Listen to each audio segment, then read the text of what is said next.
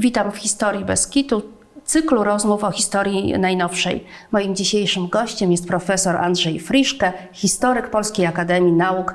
Witam serdecznie. Dzień dobry. Kościół w PRL. Jaką rolę, jaką pozycję miał Kościół w PRL i jaką politykę prowadził w tym okresie?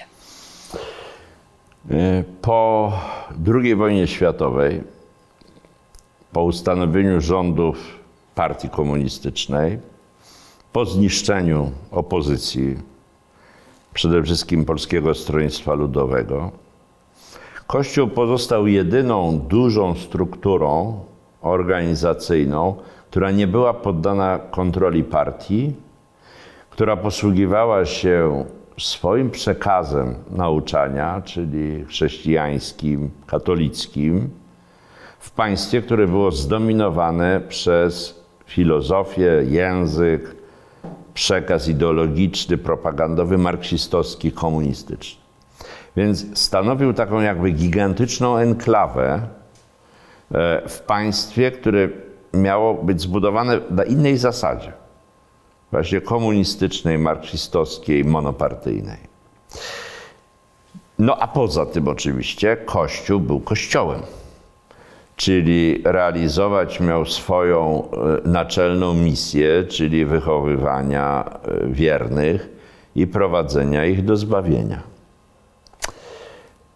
Cała ta misja, cała ta filozofia, prawda, po co żyje człowiek, droga do zbawienia, była z innej bajki, że tak powiem, była sprzeczna z lansowaną ideologią ateistyczną.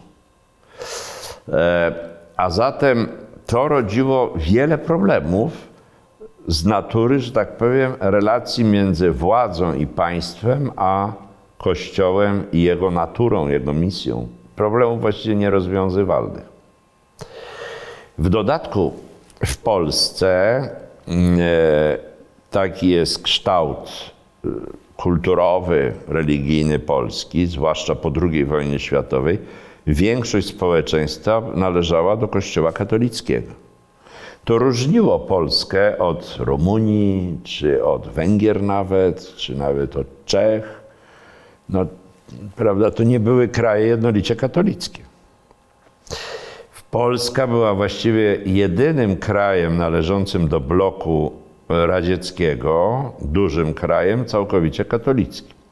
Oczywiście to też nie do końca jest ścisłe, bo istniał parę procent obywateli polskich, którzy byli niewierzący, programowo nieochrzczeni często, albo należący do innych wspólnot wyznaniowych. Niemniej jednak około 90% tego społeczeństwa przyznawało się do religii katolickiej. I to, jak powiedziałem, była odrębność w stosunku do wszystkich innych krajów y, komunistycznych, bloku radzieckiego. Dalej idąc, jeśli chodzi o problemy, Kościół y, katolicki w Polsce mm, po II wojnie światowej ustanawiał administrację kościelną na ziemiach zachodnich. To jest prawie połowa terytorium państwa, gdzie do 1945 roku nie było sieci katolickiej, tylko była, no katolicka była niemiecka, prawda? Niemiecka sieć kościoła katolickiego. Względnie były to tereny e, protestanckie. E, po roku 1945 na te tereny wchodził, e, wchodziła administracja Kościoła katolickiego, co rodziło mnóstwo różnych problemów w relacjach z ludnością miejscową, w relacjach z władzami państwa. No, do tego też były potrzebne, że tak powiem, odpowiednie regulacje z Watykanem. Słowem, Kościół katolicki w Polsce i jego e, postępowanie, polityka, strategia e, wynikały z różnych rzeczy. Ja też nie wszystkie wymieniłem, ale powiedzmy, że to były najważniejsze. No właśnie, jaki pomysł na mm, współpracę, a może brak współpracy e, miał Kościół katolicki po, drugiej, e, po zakończeniu II wojny światowej, kiedy w kraju instalowana jest władza komunistyczna, czy Kościół e, wyobraża sobie jakąkolwiek współpracę E, Po ustanowieniu rządów komunistycznych i kontroli sowieckiej nad Polską, oczywiście w kościele była przerażenie mm, na wewnątrz, prawda, że to jest wstęp do całkowitej ateizacji i zniszczenia religii, religijności, tak jak to się stało w Związku Radzieckim. No ale w związku z tym też e, postawa Kościoła powinna być na tyle umiarkowana, żeby nie prowokować e, restrykcji, represji, niszczenia. Kościół zatem zajął postawę, powiedzmy, taką dosyć ugodową. Ale ugodowość polegała na czym? Na tym, że nie angażował się za bardzo w popieranie opozycji i podziemia, i opozycji legalnej. E, W ogóle starał się zachowywać powściągliwość w sprawach politycznych, e, no i trwać. I trwać. E, Kiedy następowały e, kontrakcje czy próby uderzenia ze strony władz, one będą rosły zwłaszcza po roku 1948.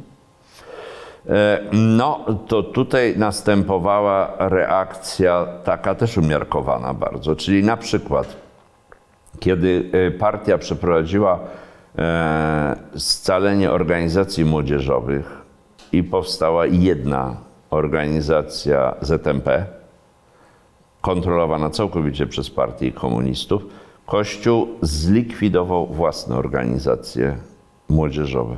To jest 49 rok. To nie były duże organizacje, to były raczej rozproszone organizacje, ale między innymi Sodalicja Mariańska.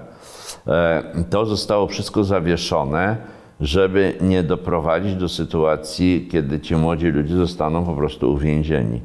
Wielu z nich i tak zostało uwięzionych. Ale w każdym razie chodziło o to, by nie tworzyć pól konfliktu. Z drugiej strony trochę się tego nie udało uniknąć. Nie dało się tego uniknąć, zwłaszcza e, no, wobec oczywiście dążeń ateizacyjnych państwa. E, One początkowo już zostały oprotestowane przez Kościół, kiedy w roku 1946 wprowadzono świeckie prawo cywilne dotyczące małżeństw na przykład, odbierające Kościołowi monopol. No, reakcja była ostra, ale werbalna oczywiście. E, Natomiast kiedy w roku 49, 50 władze komunistyczne przystąpiły rzeczywiście do prób uderzenia w Kościół, e, no to na czym one polegały? Przede wszystkim na pomyśle wygenerowania frakcji księży przychylnych dla władzy. To było nazywane księżmi patriotami przez y, społeczeństwo, przez Kościół. E, No a rzecz polegała na tym, że władza przy pomocy Urzędu Bezpieczeństwa w ogromnej mierze próbowała skupić i uzależnić od siebie księży, którzy z różnych powodów byli gotowi sprzeciwiać się swoim biskupom i byli gotowi iść na rękę władzom. Popierali władzę w y, wyborach 1947 roku, e, przeciwstawiali się jakimkolwiek próbom krytyki władzy, akcentowali apolityczność, e, akcentowali to, że e, to jest władza polska, ta władza polska powinna dbać o, e, o wszystkich, o katolików też, w związku z tym katolicy powinni mieć pozytywny stosunek do tej władzy, o tego typu argumenty. E, Bardzo często byli to liderzy tego ruchu księży, księży patriotów, to byli e, księża, którzy byli w wojsku, czyli ordynariat wojskowy, e, łącznie z armią Berlinga. E, Byli to też e, niektórzy księża, prawda, złamani przez e, władzę z tytułu tego, że władza miała na nich tak zwane haki o różne brzydkie rzeczy. E, No ale była też całkiem spora grupa ludzi, których, e, którzy wyszli z II wojny światowej ciężko poobijani, jakbyśmy powiedzieli. Byli po obozach koncentracyjnych. E, Mieli bardzo silny, że tak powiem, ten taki odruch, prawda, antywojenny, przeciwniemiecki. I, no i z tego tytułu też byli jakby spolegliwi bardziej. E, To są różne grupy w tym, w tym ruchu E, i e, no niemniej wszyscy oni dawali się, że tak powiem, prowadzić, żeby iść za partią w kierunku pod hasłami pokoju, głównie pokoju, potrzeby stabilizacji, odbudowy kraju, pod takimi hasłami, no nie kompromitującymi, nie broń Boże antyreligijnymi, ale być prowadzeni przez władzę i kierowani przeciwko biskupom reakcyjnym, e, występującym przeciwko władzy, nierozumiejącym sytuacji. Ten ruch stał się dosyć ważny. On obejmował 10% kapłanów w Polsce i wspierany przez władzę miał stopniowo, jak to sobie wyobrażano, objąć różne stanowiska i godności w Kościele. E, Łącznie z biskupami z czasem.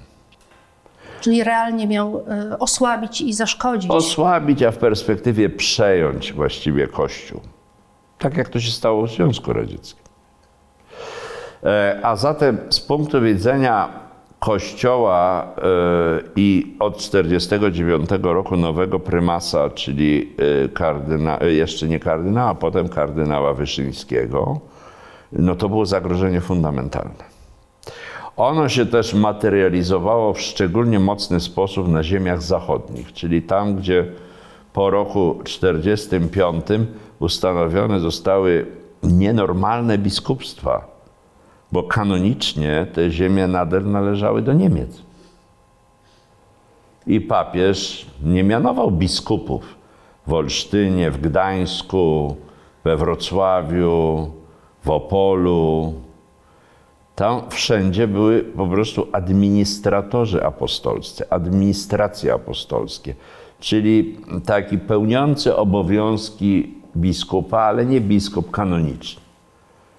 E, Nad tym obszarem szczególną e, kontrolę miał prymas Polski, czyli e, kardynał Chląd, potem e, kardynał Wyszyński, No ale ci biskupi na tym terenie po prostu zajmowali się no, tym, czym się normalnie zajmuje administracja kościelna, czyli organizowaniem życia religijnego na tym terenie, no ale byli jakby nie, nieumocowani stosownie kanonicznie. Władza komunistyczna po właśnie przy przystąpieniu do tej konfrontacji takiej ideologicznej z Kościołem naciskała w tym momencie bardzo ostro, żeby wymusić na prymasie wyszyńskim w gruncie rzeczy no, bunt wobec papieża.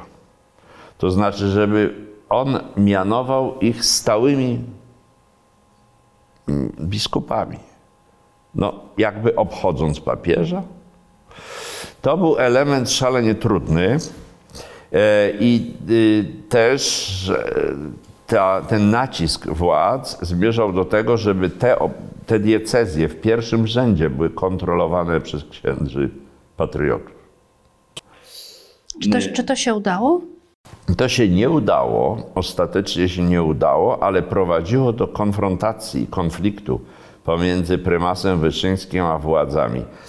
Zaczęło się, można powiedzieć, nie najgorzej, to znaczy w roku 50 e, prymas Wyszyński podpisał z rządem PRL porozumienie. To porozumienie miało duże znaczenie dla Kościoła przede wszystkim. To znaczy, ono oznaczało, tak zostało to tam zawarte, lojalność wobec władzy państwa, sprzeciw wobec form zwalczania tego państwa przez podziemie, przez spiski, przez nieposłuszeństwo. Kościół zaakceptował PRL i nie zgłaszał pretensji do struktury tego państwa. W zamian otrzymał zapewnienie o możliwości prowadzenia własnej działalności w zakresie religijnym, w zakresie prowadzenia zakonów, w zakresie niezależności swojej wewnętrznej administracji, w zakresie również nauczania religii dalej. Wydawało się to wtedy bardzo dużo, bo następowało to porozumienie już po aresztowaniu prymasa Czech i prymasa Węgier. To aresztowanie 48-49 rok było takim znakiem tego, co może czekać również Kościół w Polsce. Tam też zlikwidowano w tych krajach zakony na przykład. W związku z tym to porozumienie było ustępstwem Kościoła na rzecz przetrwania. No ale od tego ustępstwa e, droga wiodła do nacisku na kolejne ustępstwa. Więc właśnie. Dotyczyły one właśnie ziem zachodnich, ale dotyczyły też prób podporządkowania e, administracji kościelnej państwu. No i jak wiemy, to ostatecznie w roku 53 e, się zmaterializowało ustawą i żądaniem składania przez duchownych przysięgi na wierność państwu. No i tutaj już była odmowa. Prymas tego nie mógł zaakceptować. Słusznie oceniał, że jest to droga do e, no, bardzo poważnej wymiany kadr w gruncie rzeczy e, na rzecz właśnie księży patriotów. I co się wówczas stało? I wówczas władze odpowiedziały internowaniem prymasa. To jest wrzesień 53 roku. Prymas został na Miodowej, yy, prawda, nawiedzony przez oficerów Służby Bezpieczeństwa z pułkownikiem Światło na czele, po czym wywieziony w nieznane miejsce do, do miejsc internowania w pełnej izolacji. E, A partia, władza, rząd e, spróbowały złamać biskupów w ten sposób, żeby się jakby z tym faktem pogodzili i złożyli przysięgę na wierność PRL. Co, się, co nastąpiło? Nowe kierownictwo episkopatu z biskupem Klepaczem na czele, biskupem łódzkim, złożyło taką, takie, taką przysięgę. E, No i Kościół w ogromnej mierze był em, paraliżowany w gruncie rzeczy, trzeba powiedzieć, przez y, po pierwsze strach przed następnymi internowaniami, zresztą to nie były jedyne. Inni biskupi też, niektórzy byli usuwani. Wiemy o aresztowaniu biskupa Baraniaka, przecież biskupa Poznania. Wiemy o e, usunięciu z diecezji biskupa katowickiego Adamskiego, o, bi- o biskupa Krakowa. Wielu biskupów, że tak powiem, usuwano. Dokonywano też y, ataku takiego na zakony, e, przejmowania niektórych prawda, domów zakonnych. E, Zaczęto stopniowo wprowadzać ateizację e, w szkołach, niezależnie od y, ogólnej ideologii komunistycznej, to usuwanie religii. To wszystko następowało i prawdopodobnie by trwało mm, nie wiadomo jak długo i miało bardzo bolesne skutki dla Kościoła, no gdyby nie zmiany roku 56. Rok 56 był dla Kościoła szalenie ważny, ale przede wszystkim był z- ta, ta, zmiana związana z osobą Władysława Gomułki. E, Władysław Gomułka, kiedy w październiku 56 roku przyszedł, został powołany na stanowisko pierwszego sekretarza e, Komitetu Centralnego PZPR, jedną z pierwszych decyzji, jaką podjął, było uwolnienie z internowania prymasa Wyszyńskiego jako powrót do Warszawy. Co miała znaczyć ta decyzja? No, tego oczywiście Gomułka nie wyjaśnił szeroko, ale wiemy. Miała służyć uspokojeniu nastrojów społecznych. Wiadomo, że ta zmiana, która następowała, nie prowadziła do odbudowy demokracji, wielopartyjności i innych rzeczy. Miała ograniczone zamierzenia z punktu widzenia Gomułki, ale na pewno y, częścią tych zamierzeń było uspokojenie obszaru wielkich konfliktów. Gomułka zatem uwolnił prymasa Wyszyńskiego i wszystkich innych biskupów, pozwolił wrócić do ich diecezji, pozwolił na rozwiązanie spółdzielni produkcyjnych chłopskich, uwolnił wszystkich więźniów politycznych i odesłał do Związku Radzieckiego najbardziej miarodajnych generałów radzieckich. Jeżeli popatrzymy na te decyzje, co było ich wspólną częścią, no w gruncie rzeczy taka trochę próba unarodowienia tego PRL-u To znaczy, żeby ten, to państwo nie było wrogie normalnemu obywatelowi, jego podstawowym odczuciom narodowym, religijnym. Żeby ten obszar stał się nie obszarem ostrych konfliktów. Osiągnął to innymi zwalniając prymasa Wyszyńskiego, przywracając możliwość normalnego funkcjonowania Kościoła. E, no i to było wielkie osiągnięcie. Jaka była reakcja polskiego kościoła? Kościół mm, po pierwsze zawarł małe porozumienie. Jeszcze koniec roku 56 to jest małe porozumienie między władzami a Kościołem, znowu dotyczące sprawy obsady stanowisk kościelnych, a zwłaszcza biskupich.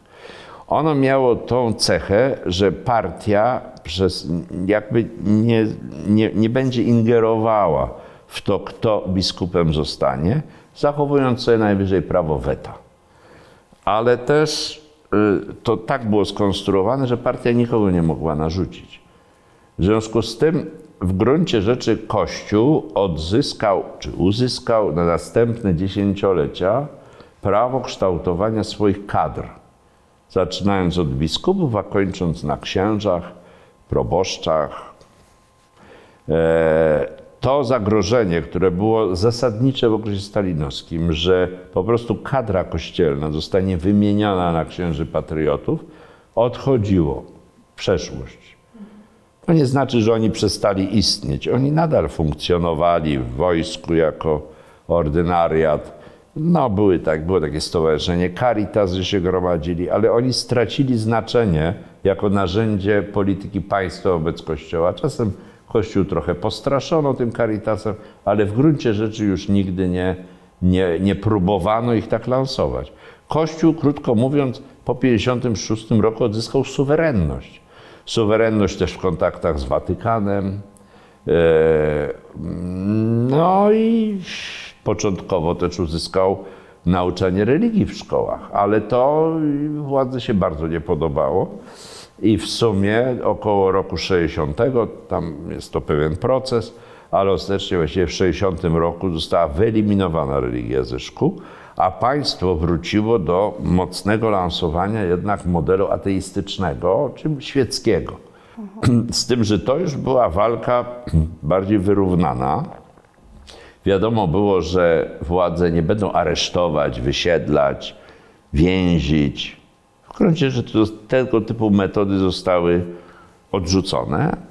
Następowała natomiast taka rywalizacja o zasięg wpływów e, pomiędzy partią i jej językiem, ideologią, autorytetami, pomysłem na życie, a kościołem broniącym no, kościelnych wyobrażeń o życiu te elementy napięcia, e, konfliktu, rywalizacji, one były cały czas obecne i przybierały czasem dosyć ostrą formę. Przede wszystkim to jest akcja milenijna, zapoczątkowana przez prymasa Wyszyńskiego właściwie już w 1956 roku, realizowana w latach następnych. I co było celem tej, tej, tej akcji milenijnej? Y, no, zresztą to tak sama nazwa, odnowienie ślubów narodu. Czyli potwierdzenie katolickiego charakteru narodu, y, przywiązania do kościoła, do obyczajów religijnych, do wiary, do form religijnych, y, realizowana w ten sposób, żeby przez szereg lat E, poprzez pielgrzymki, uroczystości lokalne, e, peregrinację obrazu Matki Boskiej, e, stworzyć, że tak powiem, jakby rechrystianizację Polski. Można powiedzieć, że to był taki, taki moment ofensywy Kościoła. I tak przez władzę to zostało odebrane. To znaczy, władza autentycznie, znamy dokumenty też po stronie władzy, władza i Gomułka była tym zaskoczona niemile. To znaczy miała takie poczucie, że po 56 roku zwróciła Kościołowi wolność, a teraz on, że tak powiem, próbuje nas zdominować, zepchnąć na margines, przejąć kontrolę nad duszami. Rzeczywiście w pewnych wypadkach były rzeczy, tu mówimy o końcu lat 50., trochę nawet śmieszne, kiedy na przykład lokalni pierwsi sekretarze partii organizowali pielgrzymki, a wynajmowali ar- autokary do Częstochowy. Były takie rzeczy.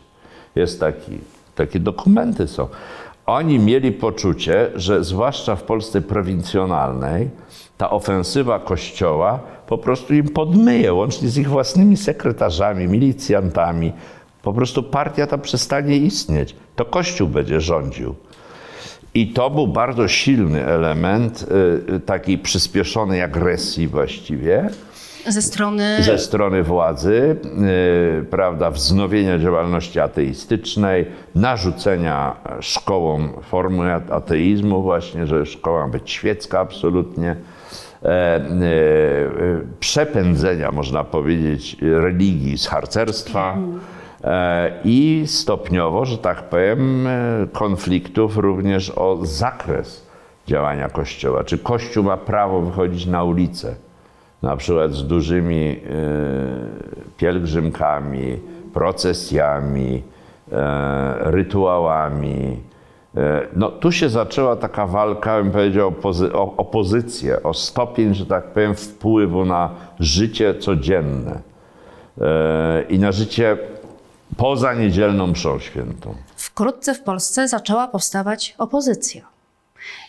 Jaką e, postawę wobec tej rodzącej się opozycji zaczął zajmować Kościół?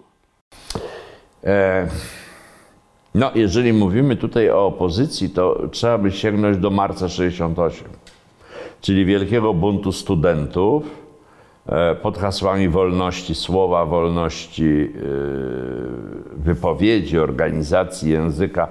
Kościół wobec tego rodzaju działań zachowywał dużą powściągliwość, dystans e, jakby swoją walkę prowadził tak, jak ją tu nakreśliłem.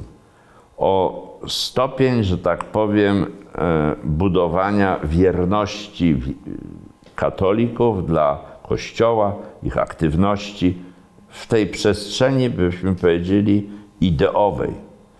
Natomiast e, nie miał poczucia, e, ani chyba potrzeby dążenia do jakichś zmian instytucjonalnych w państwie, w, w sposobie sprawowania władzy, w zakresie praw obywatelskich. To wydawało się być y, poza zasięgiem możliwości. Przynajmniej tak to oceniano. E, koncentrując się e, właśnie na tej sferze głównie praktyk religijnych i ich konsekwencji. A zatem, kiedy następowały takie zdarzenia, jak właśnie rok 68, to Kościół zachował dużą powściągliwość, e, a niektórzy nawet liczyli na korzystne zmiany. To znaczy, korzystne zmiany polegające na tym, że no, tych starych komunistów, którzy e, byli w partii ważni, zastąpią młodsi działacze, często z katolickich rodzin, i w związku z tym, że tak powiem, ten nacisk na Kościół będzie mniejszy, większe zrozumienie dla e, znaczenia religii w życiu człowieka.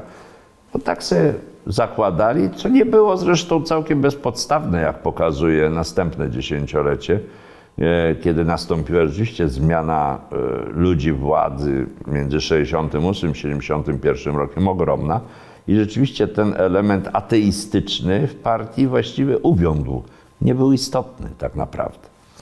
A czy była jakaś odpowiedź, może nie no nieoficjalna, ale być może jakieś nastroje mm, wśród hierarchów kościelnych na tę antysemicką nagonkę 68 roku? No właśnie nie bardzo. To znaczy, to znaczy, oczywiście są poszczególne wypowiedzi, bardzo nieliczne. E, Prymasa Wyszyńskiego czasem się przywołuje takie jedno kazanie, ale ono raczej dotyczy e, tego, że milicja bije studentów niż kwestii żydowskiej. E, W zasadzie Kościół w to nie ingerował. Bardzo często to tłumaczono sobie e, tym, że to jest konflikt między komunistami. To nie jest sprawa Kościoła mówić, kto ma rację, kto nie ma racji. Po drugie, Żydzi to nie są katolicy. Po co mamy się nimi zajmować? Po trzecie, jeżeli nastąpi zmiana na stanowiskach licznych różnych, odejdą Żydzi, no to przyjdą dzieci katolików. Będzie to może z korzyścią. W gruncie rzeczy tak trochę było, ale szalenie mało o tym wiemy. E, mm, bo w zasadzie, po Kościół tu sam nie ujawnia żadnych dokumentów dotyczących tych spraw, poza jakimiś wyrywkowymi, bardzo wyrywkowymi. E, A po drugie, mm, no, władza, czyli służba bezpieczeństwa w tym wypadku, inwigilująca Kościół przecież, tak jak każdy byt, ale Kościół w szczególności oczywiście, no, jakby wewnętrznych sprawozdaniach, można powiedzieć, się pocieszała. To znaczy, mówiąc, no tak, ci studenci są tacy nieodpowiedzialni, rozrabiają, ale księża dobrze tą sytuację oceniają, uspokajają, mówią to, tamto, siamto. I to, co oni tam cytują w tych dokumentach, to nie jest za bardzo miłe dla tych księży z naszego punktu widzenia dzisiaj. Generalnie trzeba powiedzieć, że Kościół, yy, tak jak i wcześniej, tak i w tym momencie, dążył do złagodzenia napięć politycznych. To też jest element tego. Znaczy, y, bunt studentów uważał za, jak rozumiem, nieprowadzący do żadnych możliwych daleko idących zmian e, i raczej dążył do tego, żeby uspokajać sytuację. I taka też była reakcja w grudniu. W grudniu 70 roku, kiedy nastąpi bunt studentów, y, bunt robotników na wybrzeżu. Reakcje Kościoła były bardzo powściągliwe, bardzo ostrożne i w zasadzie obliczone na to, żeby to się bardziej nie rozpowszechniło, nie rozlało, nie nabrało, że tak powiem, drastycznego charakteru. Giną ludzie, to jest tragedia i trzeba z tej tragedii jak najszybciej wyjść. Prymas Wyszyński e, wobec nowej ekipy gierkowskiej, e, która w wyniku wydarzeń grudniowych przyszła do władzy, e, zachował się bardzo powściągliwie w tym oto sensie, że dał sygnały o chęci, że tak powiem, jakiejś normalizacji i zarazem nie wysuwał żadnych głębokich żądań. To była na tym pierwszym etapie. To były takie bardzo delikatne żądania. No i w następnych latach, y, po roku 70., one w znacznej mierze zostały zaspokojone. Polegały na kilku rzeczach. To znaczy, po pierwsze, przywrócić budownictwo kościelne. Rzeczywiście Gomułka, walcząc o te pole, kto tutaj w Polsce rządzi, czy Kościół, czy my, partia, E, realizował to między innymi w ten sposób, że blokował budownictwo kościelne. W nowych dzielnicach zwłaszcza. Nie, nie ma tam być kościoły, świeckie mają być. Nowa Huta to była symbolem. Gierek odblokował budownictwo kościelne i ruszyły różne pozwolenia na budowę kościołów, e, remonty. To jest pierwsze. Druga rzecz to jest kwestia Mm, ziem zachodnich. Mówiliśmy o tym, to zawsze było ważne.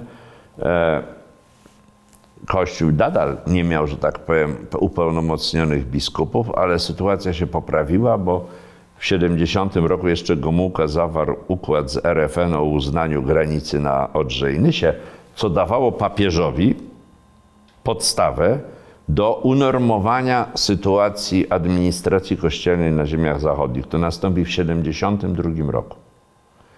I od tej pory, od 1972 roku, biskupi w Szczecinie, we Wrocławiu, w Opolu są normalnymi biskupami. Takimi samymi jak biskupi w Płocku, w Lublinie e, czy w Łodzi. E, to dopiero w 1972 roku. E, w ślad za tym władza wykonała taki gest, przekazując mienie kościelne na ziemiach zachodnich w ręce Kościoła.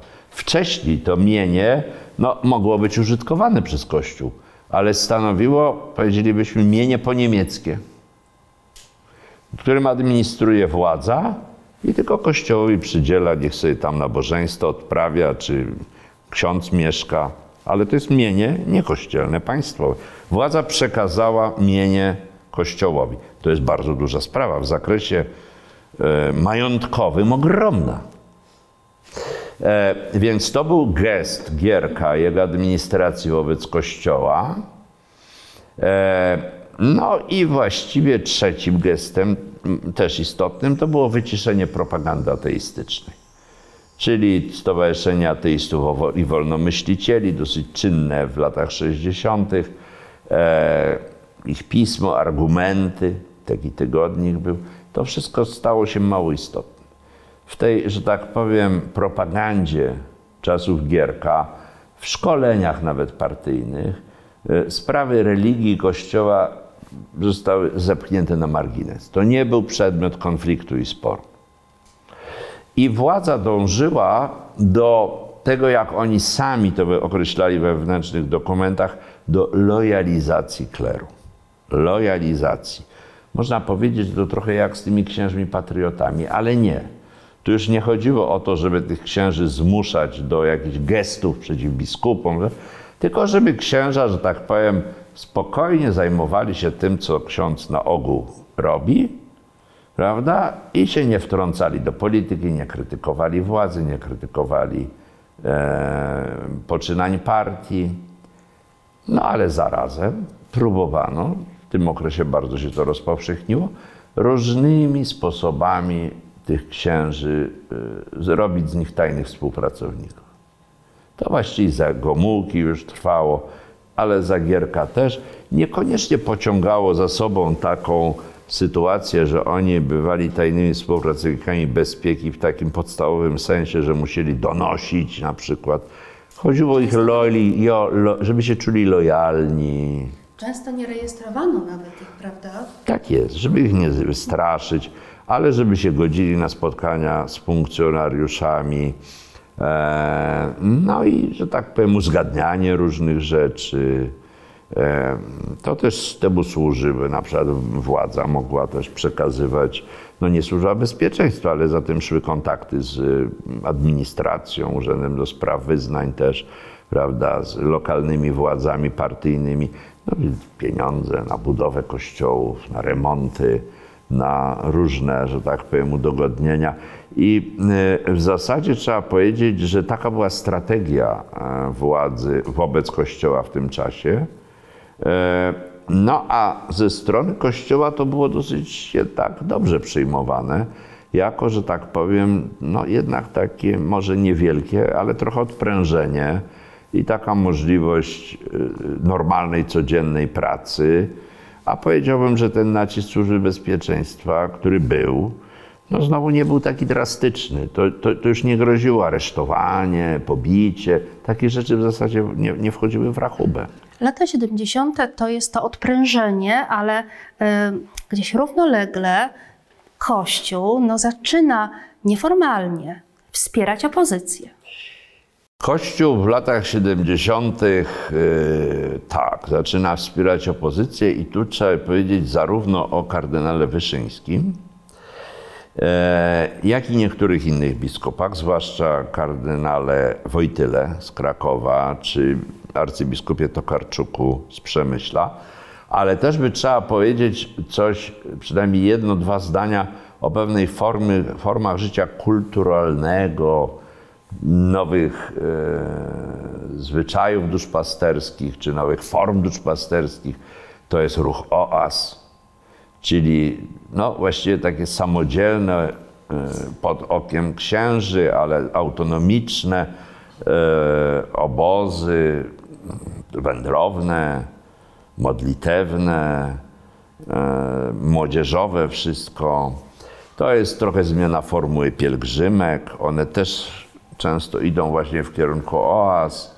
No jest ta słynna, prawda, pieśń Barka, którą śpiewano dla papieża. Ona trochę oddaje klimat takiej większej luzu, swobody. E, e, są, e, to nawet sam prymas Wyszyński był tego protektorem, można powiedzieć, Tygodnie Kultury Chrześcijańskiej, czyli otwieranie się na ludzi niewierzących, intelektualistów, poetów, pisarzy, ludzi kultury.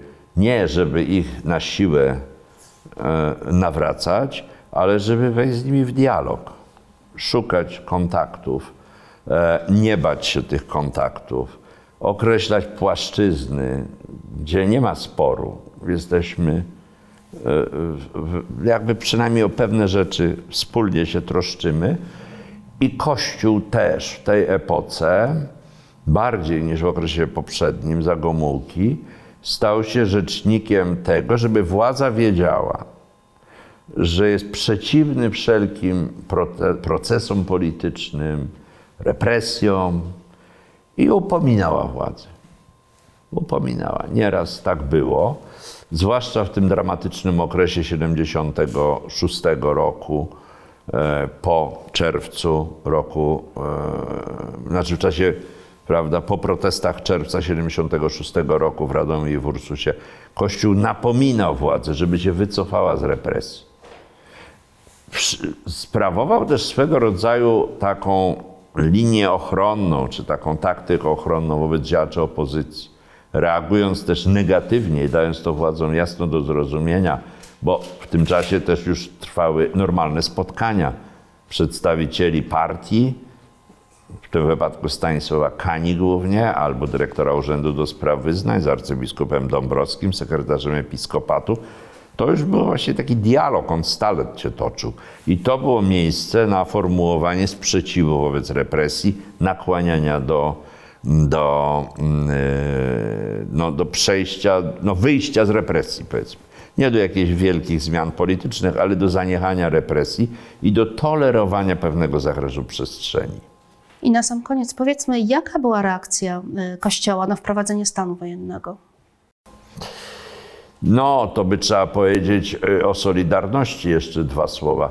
Y, Generalnie Kościół patrzył na Solidarność z pewnym dystansem. E, Trochę to, co mówiliśmy o tym, mm, też jakby podprowadza do tego tematu. Czyli wielki ruch polityczno-społeczny zmierzający do przekształceń ustrojowych, ten sceptycyzm. To się nie może udać a zatem trzeba lać zimną wodę na gorące głowy. W gruncie rzeczy to oddziaływanie Kościoła taki ma charakter. Przeciwko radykałom, przeciwko nieodpowiedzialnym ruchom, przeciwko zbyt wielu strajkom. Owszem, na tych strajkach można dać mszę, prawda, ale jednocześnie nakłaniać, żeby oni się miarkowali. Tu nie ma miejsca na takie burzliwe, awanturnicze działania. Tym duchu Kościół oddziaływał na Lecha Wałęsę, na przywódców regionalnych, pokazując i właściwie mówiąc im, tu się nie może radykalnie zmienić. Sytuacja geopolityczna jest jaka jest, Związek Radziecki dominuje, Europa jest podzielona, miarkujcie swoje żądania.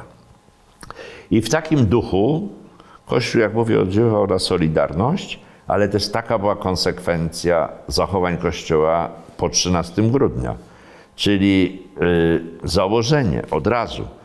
Tu, prawda, radykalne zmiany nie są możliwe. Jedyne, co można osiągnąć, to oddziaływać na władzę, żeby miarkowały represje, żeby uwalniały ludzi z więzień, żeby dały minimalne przestrzenie wolności dla na przykład y, robotników, e, no, ale jednocześnie nakłaniać przywódców Solidarności, żeby nie wysuwali nierealnych żądań.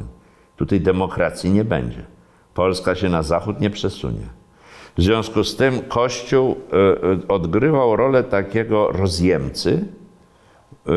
Dla władz to oczywiście było pozytywne działanie. Oni to dobrze postrzegali to oddziaływanie.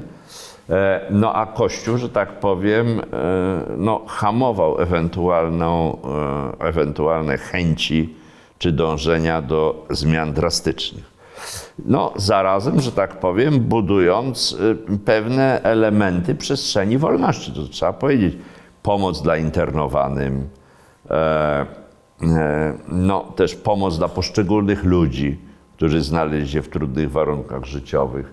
E, rozwinięcie, to jest koncesja ze strony Jaruzelskiego, koncesja dla prasy katolickiej regionalnej, że nagle w diecezjach powstawały pisma katolickie. E, e, Jedne bardziej takie, powiedział, czysto wyznaniowe, a drugie z takimi pewnymi ambicjami, również kulturalnymi, społecznymi. Tam też y, dziennikarzy wielu się zatrudniło, którzy kiedyś byli związani z Solidarnością. To powstał taki obieg właściwie, cenzurowany oczywiście, ale cenzurowany tak, że można było tam pisać uczciwie.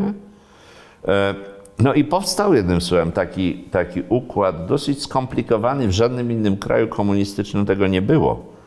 E, Czyli układ, gdzie Kościół był silny, autonomiczny, czy właściwie suwerenny, można powiedzieć, wobec władzy, e, mający też wpływ i znaczenie na sytuację w ogóle w kraju i władza to uznawała. Notabene to bardzo się nie podobało w Moskwie. To my wiemy, że jedną z częstych pretensji ze strony przywódców komunistycznych wobec pierwszych sekretarzy, już Gomułki, a potem Gierka, a potem Jaruzelskiego, było to, co wy doprowadziliście do tego, że ten kościół u was się tak szarogęsi. Tyle ma do powiedzenia. To nie jest normalne. No ale jak wiemy, i Imperium Sowieckie wchodziło w kryzysowy, w kryzysowy okres. E, e, No i oczywiście za Gorbaczowa już tego nie powtarzano. Dziękuję bardzo za rozmowę. Dziękuję.